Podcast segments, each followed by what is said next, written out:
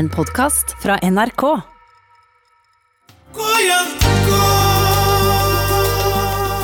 Afrika. Rikt på så mangt, men nedvurdert og utplyndret. Homo sapiens hjemland. Jordbruk og musikk. Filosofi, vitenskap og eldgamle byer. Nomadeliv og ulike samfunnsformer. Hør Afrikas historie fortalt på nytt. Tore Linné Eriksen har skrevet boka Afrika. Fra de første mennesker til i dag.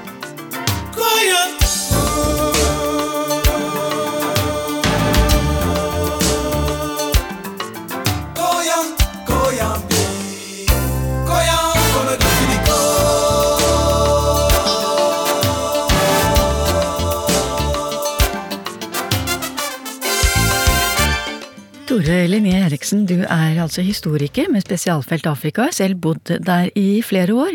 Og vi skal nå snakke om Nord-Afrika, Egypt og Nilen, og hvordan bosettinger her har skapt kultur og vitenskap som startet alt for rundt 5000 år siden. Og du er opptatt av at Nord-Afrika ikke bør omtales nærmest som en separat del av Afrika. Men hvorfor er det å skille feil, mener du? Hvis man ser på et Afrikakart, sist jeg gjorde det, så så jeg jo at Nord-Afrika lå i Afrika. Men det er også viktig fordi at mange andre oversiktsverker, og kanskje også i mye europeisk bevissthet, så er Nord-Afrika skrevet liksom vekk fra Afrika, som ofte da kalles for Afrika sør for Sahara. Jeg tror at ved å knytte eller å få større oppmerksomhet om sammenhengen mellom Nord-Afrika og andre deler av Afrika, så, så, er det viktig å, kanskje å peke på Egypt og den egyptiske sivilisasjonen. Det hender når jeg er rundt omkring og snakker litt om afrikansk historie, at jeg spør rekke opp hånda av de som en gang har vært i et afrikansk land, og så er det noen som rekker opp hånda. Og så spør jeg etterpå er det noen som har vært i Egypt, så kommer mange, mange flere hender opp. Og det er en av grunnene til at jeg nå føler behovet for å knytte dette sammen. Men det du sier er altså at folk flest, når de snakker om Afrika, eller forholder seg til Afrika, så er det først og fremst eh, Afrika sør for Sahara? Ja, sør for Sahara er jo et veldig rart begrep, fordi at noen tror at det betyr områdene rett sør for Sahara. Men, men eh, egentlig så betyr det jo alt, hele Afrika, bortsett fra Sahara og Nord-Afrika. Så Derfor er dette Afrika sør for Sahara litt uh, misvisende. Det er ikke området rett sør for Sahara. Uh, på fransk så kaller man det gjerne for det svarte Afrika, liksom l'Afrique noire, uh, for å skille det fra arabisk som de regner med er litt lysere i huden. Eller så kan det hete Sub-Saharan Africa på engelsk, men dette er veldig forvirrende. Mm. Så jeg foretrekker det er Afrika, så får man snakke om Nord-Afrika eller Vest-Afrika eller Øst-Afrika og det sørlige Afrika og Afrikas Horn og andre regioner, men, men det er helt merkverdig å bruke dette rare uttrykket sør for Sahara. Men er det vi føler oss litt nærmere en del av landene i, i Nord-Afrika, da?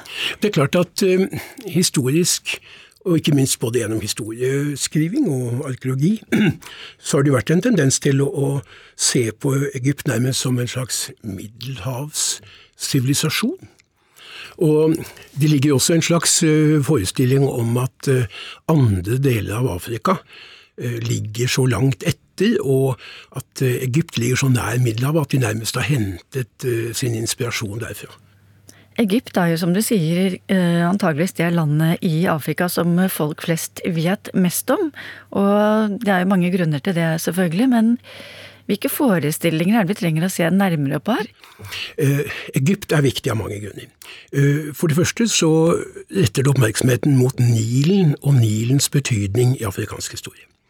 Det er jo en 7000 km lang elv, dvs. si det er jo to elver. Den blå Nilen, som kommer fra høylandsområdene Tanasjøen i dagens Etiopia, og det er den hvite Nilen, som går helt ned til de store sjøene, Victoriasjøen og andre kilder som løper inn i den sjøen, i Uganda. Så, så liksom hele Nilen-området her er så stor del av Afrika og har preget dette. Nilen det spesielle med Nilen er jo at det er den som gjør det mulig å ha jordbruk og samfunnsdannelser i det hele tatt. Ellers så er jo ø, Egypt nærmest en ørken, riktignok med noen oaser. Så det er denne fruktbare, tynne stripa øh, hvor øh, flomvannet, når det trekker seg tilbake, etterlater veldig verdifulle stoffer som gjør at det er mulig å dyrke jord. Og dermed også ha en slags tettere bosetting. Og Derfor er jo Egypt også et av de første områdene i Afrika hvor vi kan se tidlig overgang eh, til jordbruk, altså fra jegere og sankere til jordbruk. Eh, det er også slik at eh, Egypt forteller om tilknytningen mellom Afrika og andre verdensdeler. Det går jo litt fram av Egypts beliggenhet at det har nære forbindelser over til Vest-Asia. Det har, eh, og den arabiske halvøya via Rødehavet. Og det er også klart at eh, det har nære forbindelser til eh, andre områder rundt Middelhavet. Og var jo i perioder også en del av det man kaller den helenistiske verden, altså under Alexander den store fra midten av 300-tallet, før vår tidsregning. For det altså den egyptiske eh, kulturen, da, staten og samfunnslivet, det er jo så gammelt. Mm. Og så har det jo vart så veldig lenge. Er det ikke en form for rekord, nærmest? Den eh, enorme tidsperioden dette samfunnet besto? Ja, i hvert fall i den vanlige form man tenker på det gamle Egypt, så er det i hvert fall en 3000-årsperiode. Mm. Og dette var eh, før vår tidsregning? Ja, 3000 før vår tidsregning og fram. Og, og hvorfor, hvordan var det mulig? Jo, for det første var det mulig å lage en stat fordi denne områdene langs Nilen var så fruktbare at man kunne produsere, at bøndene kunne produsere et overskudd av korn, øh, og man kunne ha et overskudd fra husdyrhold. Og det gjør jo at man kunne holde i live, eller fø på om man vil, en rekke andre samfunnsgrupper som ikke behøvde å dyrke jorda sjøl, slik som det var vanlig de fleste andre steder. Altså håndverkere, de som bygde pyramider, eh, prester, faraoer. Altså at man kunne fø på helt til dels uproduktive samfunnslag. Altså hvordan eh, på en måte forholdt folk seg til dette, for ellers så var det vel mye nomadeliv, rett og slett? Det, her skiller jo da Egypt seg, i hvert fall i tidlig tid, som vi snakker om nå, fra andre deler av uh, Afrika, uh, i hvert fall så tidlig. Ved at konsentrasjonen av befolkningen på et lite område Når folk bor tett, så er det lettere å kontrollere. Det er lettere å skape et overskudd, som sagt, til å ha templer og palasser og pyramider. Det er også slik at de som bor langs Nilen, må vi jo anta, har en sterkere skal vi si, følelse av tilhørighet. Altså Veldig mye av statsdannelser i historien handler jo om vi versus de andre. Og, og, det er liksom vi langs Nilen, og de som ikke lever langs Nilen. Altså en slags, på mange måter kan man si, en spire til en slags nasjonalisme. Så er det jo da slik at uh, gjennom uh, et samfunn som også ligner på en pyramide. Fra liksom slaver og bønder og håndverkere oppover til presteskap og faraoer og deres familie. Eh, så skaper man jo også samhørighet gjennom elitens måte å skape oppslutning om regimet på, ved å knytte seg til religiøse forestillinger. Det å kontrollere befolkningen og eventuelt pålegge tvangsarbeid eller skatter, ved å knytte det til at dette er en religiøs plikt, og at man bør ære de ledere som har et spesielt forhold til gudene. Det er jo et gjennomgangstema i veldig mye av menneskehetens historie. Så det finner vi også her, og er med på å, forklare denne sterke statsdannelsen. Det er også slik at eh, Nilen, og det å være omgitt av ørkener både til vest og til øst, det gjør også at man lenge var beskyttet mot fiender eller inntrengere. Og det er først når vi kommer ut på 600-tallet før vår tidsregning, og du får naboer som ligger litt foran når det gjelder krigsmetoder, altså med hest og, og stridsvogner, at de begynner å bli utsatt. Og, og da er det jo perioder fra 600-tallet og fram mot vår tidsregning, hvor de er en stat, men til dels underlagt persisk og helenistisk styre. Men man får jo si at uh, en stat eksisterer jo selv om den på en måte er dominert utenfra. Eh, og som sagt, de siste 500-600 årene av, eh, av, denne sammenhengende statstradisjonen, den eh, var nok sterkt påvirket av områdene rundt. Men På hvilken også, måte da? Altså, hvis vi skal snakke litt om det, for det, det er jo interessant når det gjelder altså uh, hva den intellektuelle utviklingen da, i Egypt, hva den har bidratt med, kan du si, i forbindelse med filosofiens utvikling i, i antikkens Hellas, for eksempel, eh, matematikk, sånne ting. Altså, Hva er det som sprang ut sånn kunnskapsmessig fra Egypt, fra denne storhetstiden? Ja, For det første så er det jo slik at selve Nilens, det spesielle ved Nilen, som jeg stadig kommer tilbake til, har jo også å gjøre med behovet for å, å måle f.eks. vannstand, føre statistikk over når flommene bruker å komme, det å utvikle meteorologi. Eh, når det er små jordflekker og de skal deles på mange, så kan det være greit å utvikle matematikk.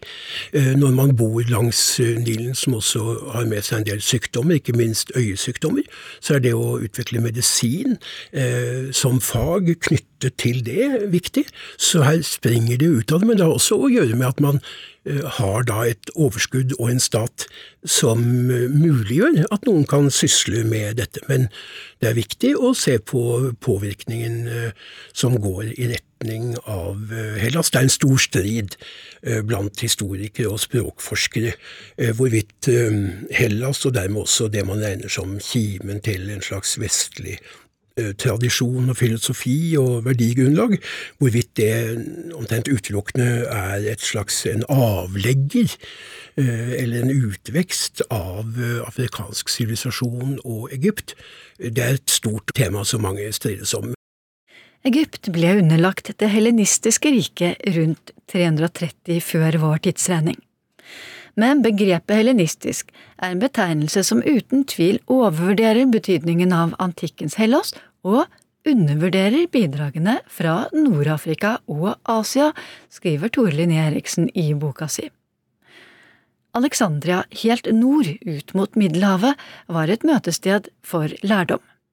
Statsstyre, religion, kunst og arkitektur gled over i en form for blandingskultur av gresk og egyptisk, her foregikk en regelrett vitenskapelig revolusjon, og noe tilsvarende fantes ikke noe annet sted i verden, i hvert fall ikke utenfor India og Kina. Og det er sagt at den moderne verden ble til i Alexandria, skriver Linnea Eriksen.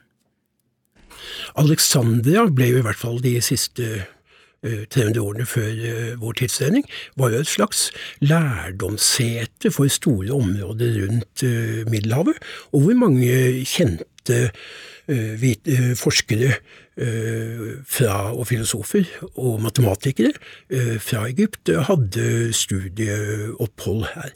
Og Alexandria var jo liksom biblioteket i, i, i verden hvis vi ser bort fra Kina, eh, på denne tida. Det var jo faktisk slik at eh, det var et påbud om at alle skip som gikk forbi Alexandria, hadde en slags forpliktelse til å avlevere eksemplarer av skrifter til biblioteket Alexandria, slik som det på mange måter i dag er en slags leveringsplikt til det norske nasjonalbiblioteket.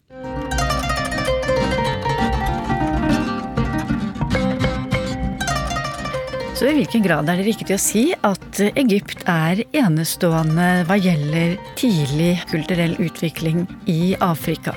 Ser man lignende tilfeller andre steder, eller var det mer det at det var geografisk beliggende tilknytning til Middelhavet, Midtøsten, India etter hvert? Hvordan ser historien ut nå? Egypt hentet jo inspirasjon og stimulans også fra området sør for Sahara. Det er jo slik at Her er jo forbindelsene viktige, og det understreker jo at Egypt ikke er en isolert episode i afrikansk historie.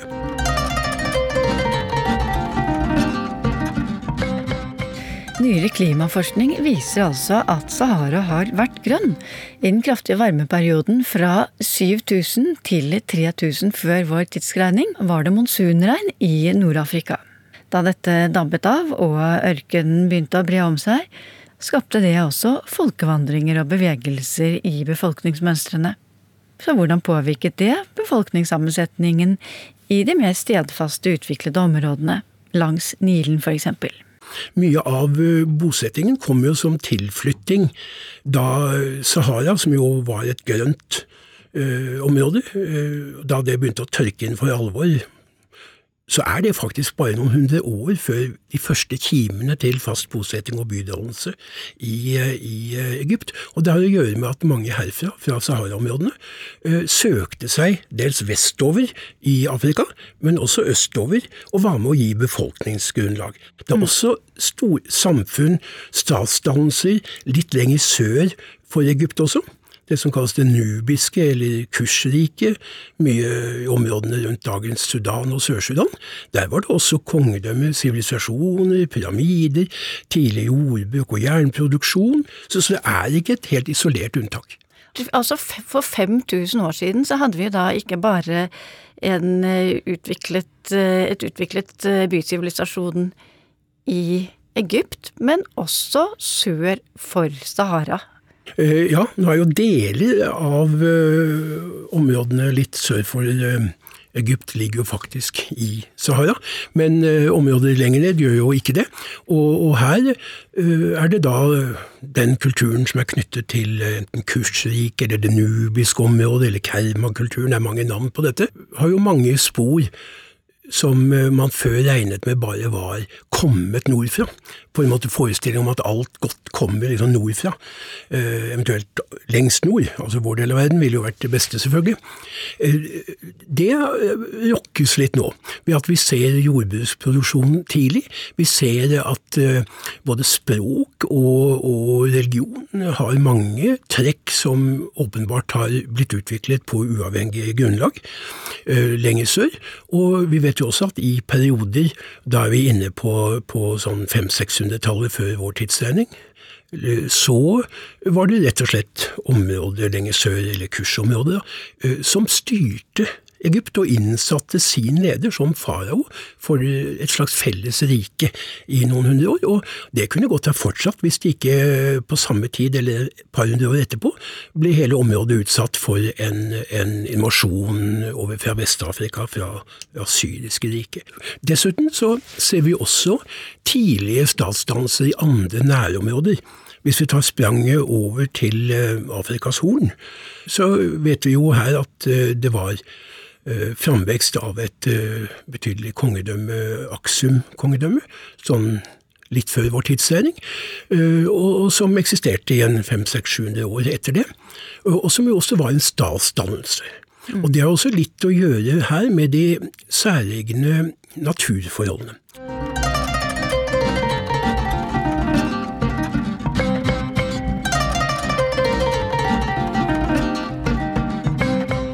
Ser man litt lenger vest og langs kysten i Nord-Afrika, så skjedde det særlig store forandringer med fønikerne, som også gikk under tilnavnet Havets herskere og hadde anlagt flere enn 300 kolonier og handelsstasjoner rundt Middelhavet, og som nå hadde kastet sitt blikk på kysten i Nord-Afrika. Her holdt berberbefolkningen til, og fønikerne kjempet seg til en plass og etablerte byen Kartago. Fønikerne kom opprinnelig fra Libanon og Palestina. Det utspilte seg kamper, og fønikerne etablerte byen Kartago som deres hovedsete.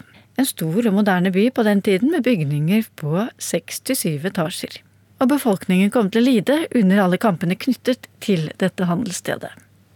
De anla da handelskolonier i Nord-Afrika eh, allerede omkring 1000 år før vår tidsregning. Eh, de lagde altså handelskolonier og drev sjøfart, og knyttet da Nord-Afrika veldig sterkt til Vest-Asia og til den nordlige delen. Og de hadde jo handelskolonier helt fram til Portugal og ut mot Atlanterhavet. Og det var jo fønikerne som grunnla byen Kartago. Det var deres hovedstad, og det er byen Kartago som jo ble et stort stridsspørsmål i en annen viktig periode i Nord-Afrikas historie, og det var da Nord-Afrika ble eh, utsatt for angrep fra det framvoksende Romerriket, og da er vi også sånn ved inngangen til vår tidsregning. Kartago skal i sin glanstid ha hatt opptil 700 000 innbyggere, og var altså en betydelig sjømakt, men ble ødelagt av langvarige kriger fra romerne som til slutt greide å erobre Kartago. etter punekrigene i 146 før vår tidsregning, kan vi lese i boka Afrika. Men det var de store kornkamrene i Afrika som i det hele tatt gjorde disse krigene mulige, forteller Tore Linné Eriksen. Egypt og hele Nord-Afrika for øvrig var kornkammer for hele det romerske imperiet, og var med å holde det oppe, som gjorde at folk kunne gjøre andre ting enn å dyrke korn. De kunne føre krig og underlegge seg andre deler av uh, Europa. Og de kommer inn med en voldsom brutalitet. Ja, ja det gjør jo ofte erobrere. Dette var jo en krigersk imperium, og det er ikke tilfeldig at ordet imperialisme kommer, er knyttet til ordet for det romerske imperiet. Så dette er på mange måter et sånt første eksempel på hvordan arbeidskraft og naturressurser, matvarer, produkter fra Afrika blir gjennom erobring eh, tatt eh, til Europa. Lokalbefolkningen, berberne, måtte forsvare Kartago mot romerne. Det resulterte i tre langvarige og svært harde kriger. Dette var jo lokalbefolkningen i hele Nord-Afrika før øh, etter hvert da den arabiske innvandringen kommer, øh, omkring 600-700 år etter vår tidsregning. Og de var jo på mange måter da den sterkeste konkurrenten til romersk utbredelse av makt. Og, og Derfor så var det jo et gjennomgangstema da, og i Senatet at Kartago måtte ødelegges. Og Kartago ble ødelagt. I mange oversiktsverk i dag om folkemord gjennom historien, så regnes ødeleggelsen av Kartago med.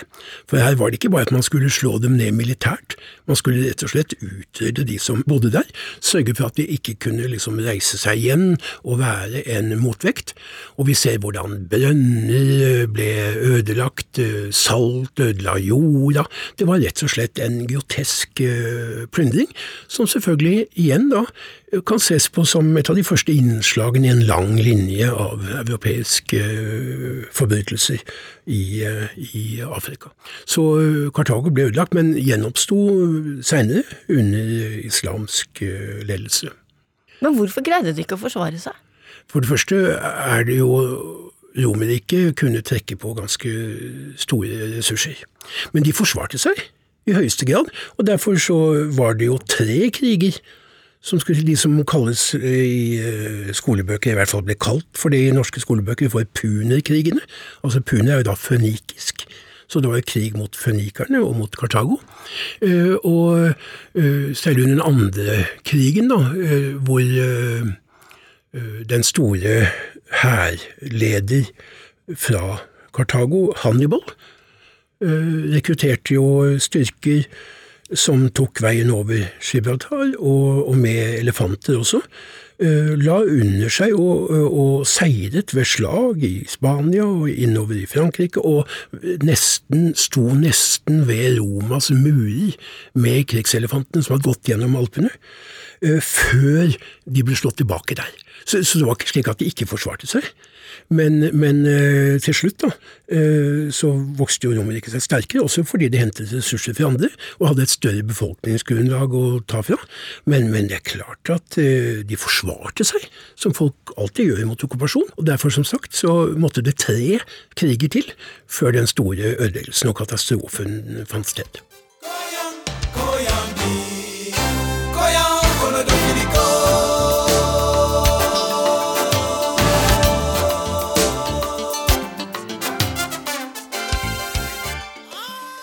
Har hørt om tidlig kulturell utvikling i Nord-Afrika, og i neste episode forteller historiker Tore Linné Eriksen om kamelkaravaner og den veldige Sahara-ørkenen, samt fremveksten av ulike samfunnsformer.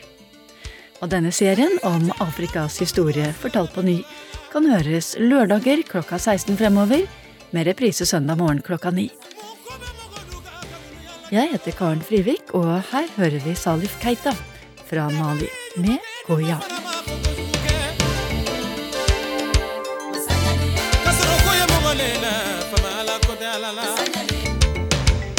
setana sele mugondula lalolamanjatu